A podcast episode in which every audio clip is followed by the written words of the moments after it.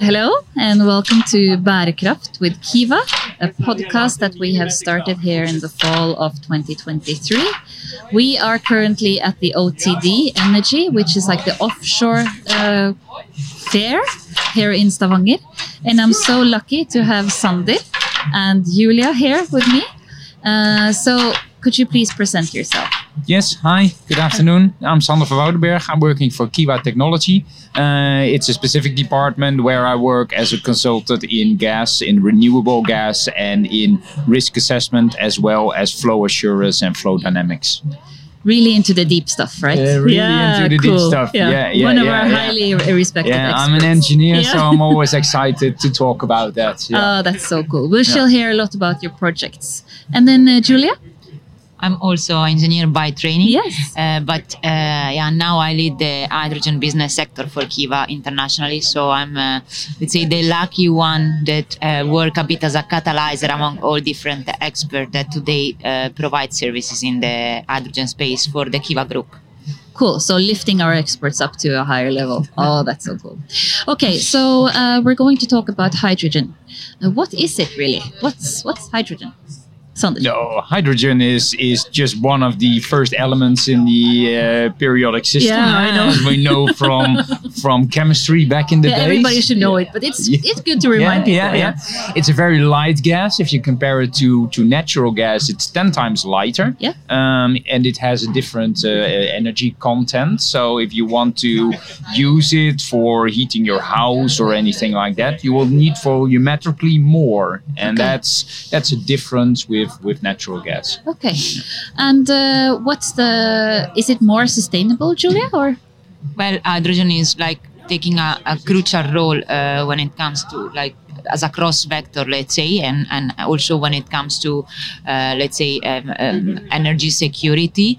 Uh, in this case, it can be more sustainable Yeah. based on the way it is produced. So when it is produced by, uh, for example, with an electrolyzer combined with renewable energy, it is definitely much more uh, cleaner. Yeah. Uh, it basically just uh, use electricity and water to split uh, the water in H2 and O2, so you do not have uh, carbon emission. Um, there are, of course, different way of uh, producing hydrogen, but green is one. I mean, is certainly the, the cleaner, but you can produce it via, I mean, combining also like nuclear power or uh, um, uh, capturing the CO2 from from uh, the hydrogen when it is steam reformed. So in it is in then uh, cleaner than uh, what's so-called gray hydrogen or Yeah. natural gas. Yeah, because we hear about you said mentioned now gray hydrogen, but we have uh, the most common thing to think about is the green hydrogen and then Yeah. the blue hydrogen. What's the difference between those two? The green hydrogen is indeed uh, produced uh, from uh, renewable electricity. Uh, via this device that is called electrolyzer and the blue hydrogen instead is um, coming actually from gas reforming the gas but Yeah. then uh, capturing the, the co2 uh, from from the uh, yeah natural Yeah. gas Yeah. And there is Uh, a pink, which in the Nordic is Oh. also quite interesting Yeah. if we want to speak about color. Oh, cool. That is uh, the hydrogen that come uh, uh, from uh, nuclear power. From- like so, nuclear, nuclear okay. power. So combining Yeah. uh, electrolyzer with uh, yeah, so the pink, nuclear electricity. pink hydrogen. Yeah, Yes. cool. Um, why has hydrogen become so uh, popular in terms so that we have lifted it up as a as a business sector that we focus on? That's for you, Giulia, to answer. well, uh, it came like uh, with time, of course. I mean, personally, in, in Kiwa, uh, we started long time ago, much before this big hype. Actually, Yeah, yeah. Uh, we, I think the real, very tangible project, really with like pipes, uh, uh, like in, in, on the ground. It Yeah. was 2011. Um, However, I mean, in the recent time, it, it really changed uh, um, i- its role. Like first with uh, the Green Deal, so really to uh, support the decarbonization of those roles that are, uh, uh, let's say, difficult to be uh, electrified. Yeah. Uh, and then also uh, now after the the, the, uh, the, the with the Repower EU after the the uh, war uh, between uh, Russia and uh, Ukraine, Yes. uh, it took uh, even a, a, a, more prominent role uh, when it comes to yeah energy security and diversification of, of uh, sources. Okay, so Sander, take us back to 2011. Yeah. Um, what what was the start? How did we start uh, working with hydrogen? Well, Kiwa was basically asked in 2011 to collaboratively with one of the Dutch uh, system uh, system operators to start to look into the potential of hydrogen and to look at the advantages of admixing hydrogen to natural gas. Uh, that would already give a benefit if you uh, mix up to 20% of hydrogen into your natural gas. Yeah. So it was decided together with the DSO to bring up a pilot project where uh, individual houses were going to be heated with uh, uh, with this mix of hydrogen and natural gas. Just just a little stop there because you said DSO. What's Yeah. the what's that?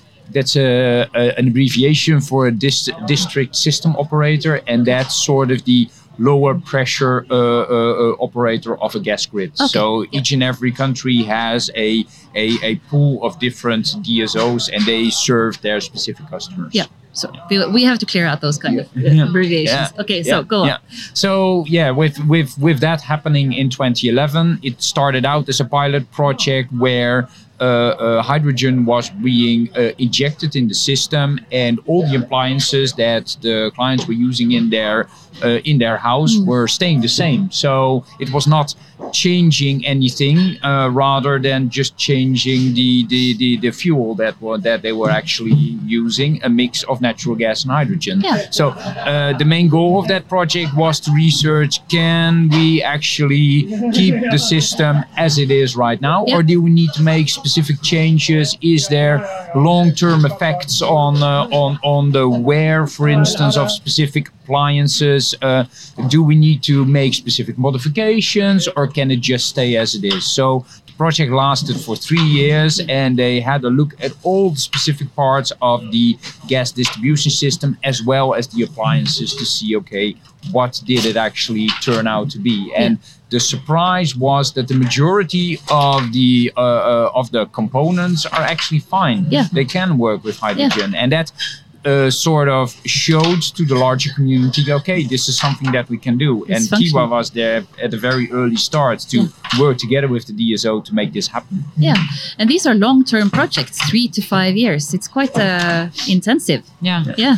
this is like an example but uh, yeah from like in, in, these last like um, 10 uh, uh, 12 years we have really broadened our uh, um, uh, let's say field of application Yes. so today we actually really can cover with uh, our services basically the complete value chain really from production testing and, and certifying or inspecting electrolyzer up to end users not only residential but Yeah.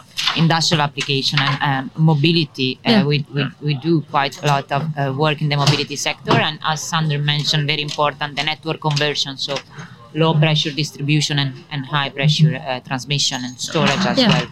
And you, we also had a project in the Netherlands uh, connected to residential houses, uh, and uh, we had some issues around infrastructure. Can you talk a little bit about that? What's what's the problems when it comes to infrastructure? Um, well, to be honest, there are not that many issues when you actually look at a gas distribution system and the, the, the materials that are used there and the specific components. Of course, you see that that legislation and also specifications are a little Yeah. bit behind on what we actually want to achieve right now. The industrial users, the, the the the DSOs, they seem to be ready to actually start to use 100% hydrogen, but it's actually the legislation and also the specifications that lack a little bit behind, and Yeah. it's not going as rapidly as they actually would have hoped for. And that's where Kiwa steps in and helps, uh, yeah, DSOs to actually get that information and do that appropriate testing to be sure that they can do it in a, a secured way and that they uh, that they uh, yeah fulfill the requirements that they have. And I think what Sander mentioned is very important now, like is more the regulatory framework that is Yes. like still uh, in, in, in in the shaping, let's Yeah. say. Yeah. yeah. but as It's, uh, it's it's it's uh, almost usual that the regulations is lagging behind and Yeah. the industry is going in front. yeah.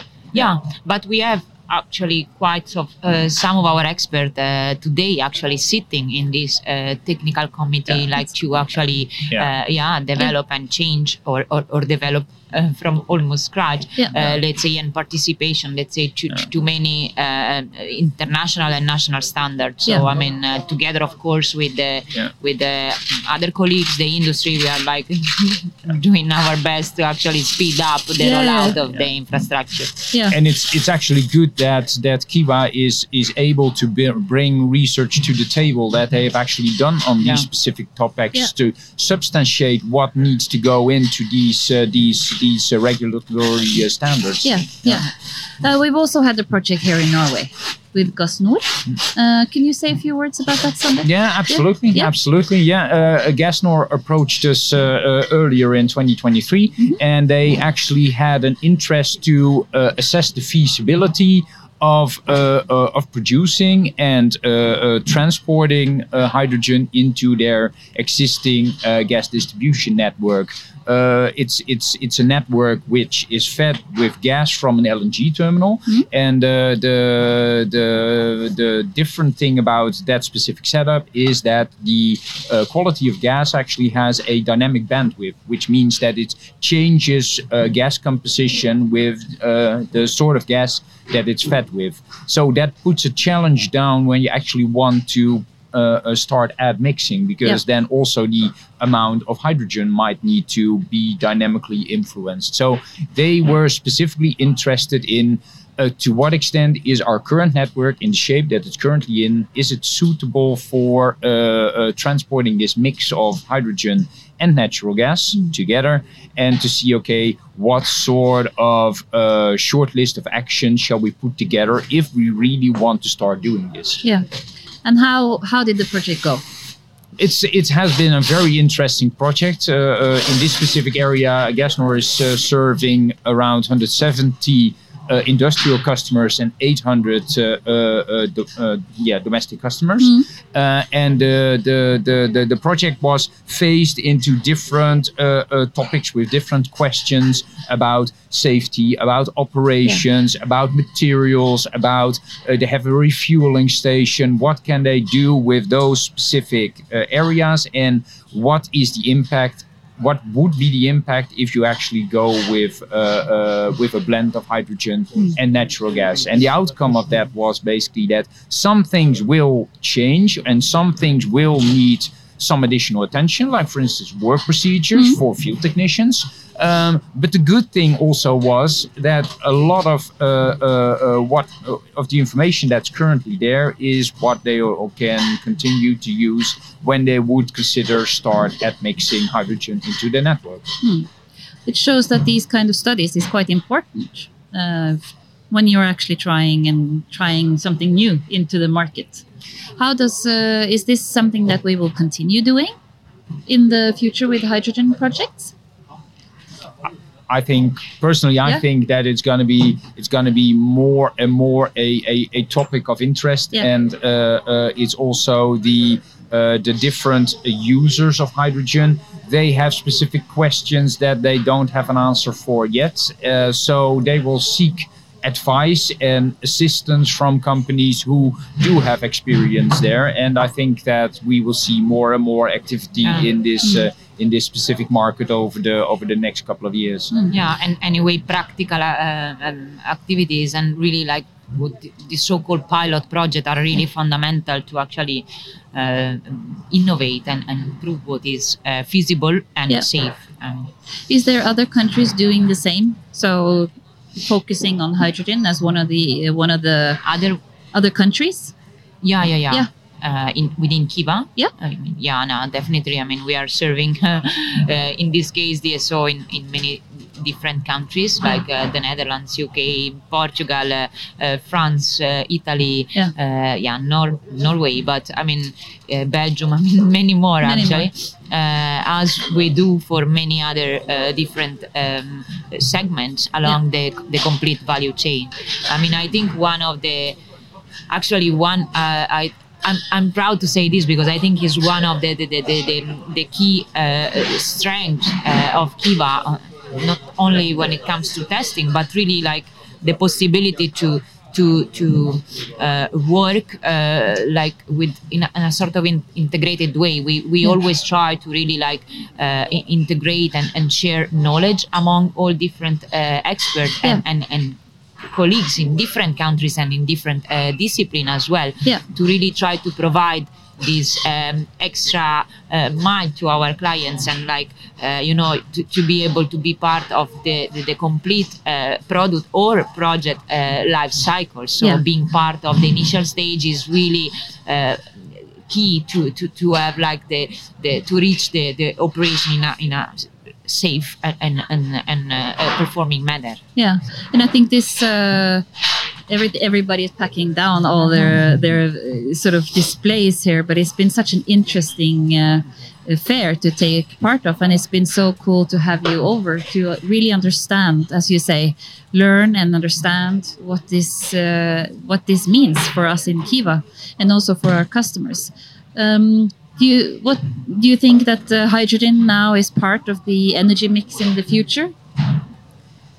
I certainly think it will be part of the, the solution. I mean, there will be no one solution No. that will fit all. Yeah. Uh, I think hydrogen uh, will be part of the future energy mix. Yeah. Yeah, I think also it will be sort of a building block in the overall process where different different energy carriers, uh, electricity, uh, hydrogen, natural gas, but maybe also other energy carriers will be uh, uh, will be in that mix to serve specific types of customers to to to uh, to bring the best uh, yeah possible uh, possible solution. Yeah. yeah. And green molecules and, uh, and electrons will, will actually go together. Yeah. Yeah. So hydrogen is part of our future, together with a lot of other energies. Uh, thank you so much for uh, taking part in the podcast and sharing your coming to Norway, sharing your knowledge. It's been a wonderful journey. Uh, so thank you very much. Thank you. You're more than welcome.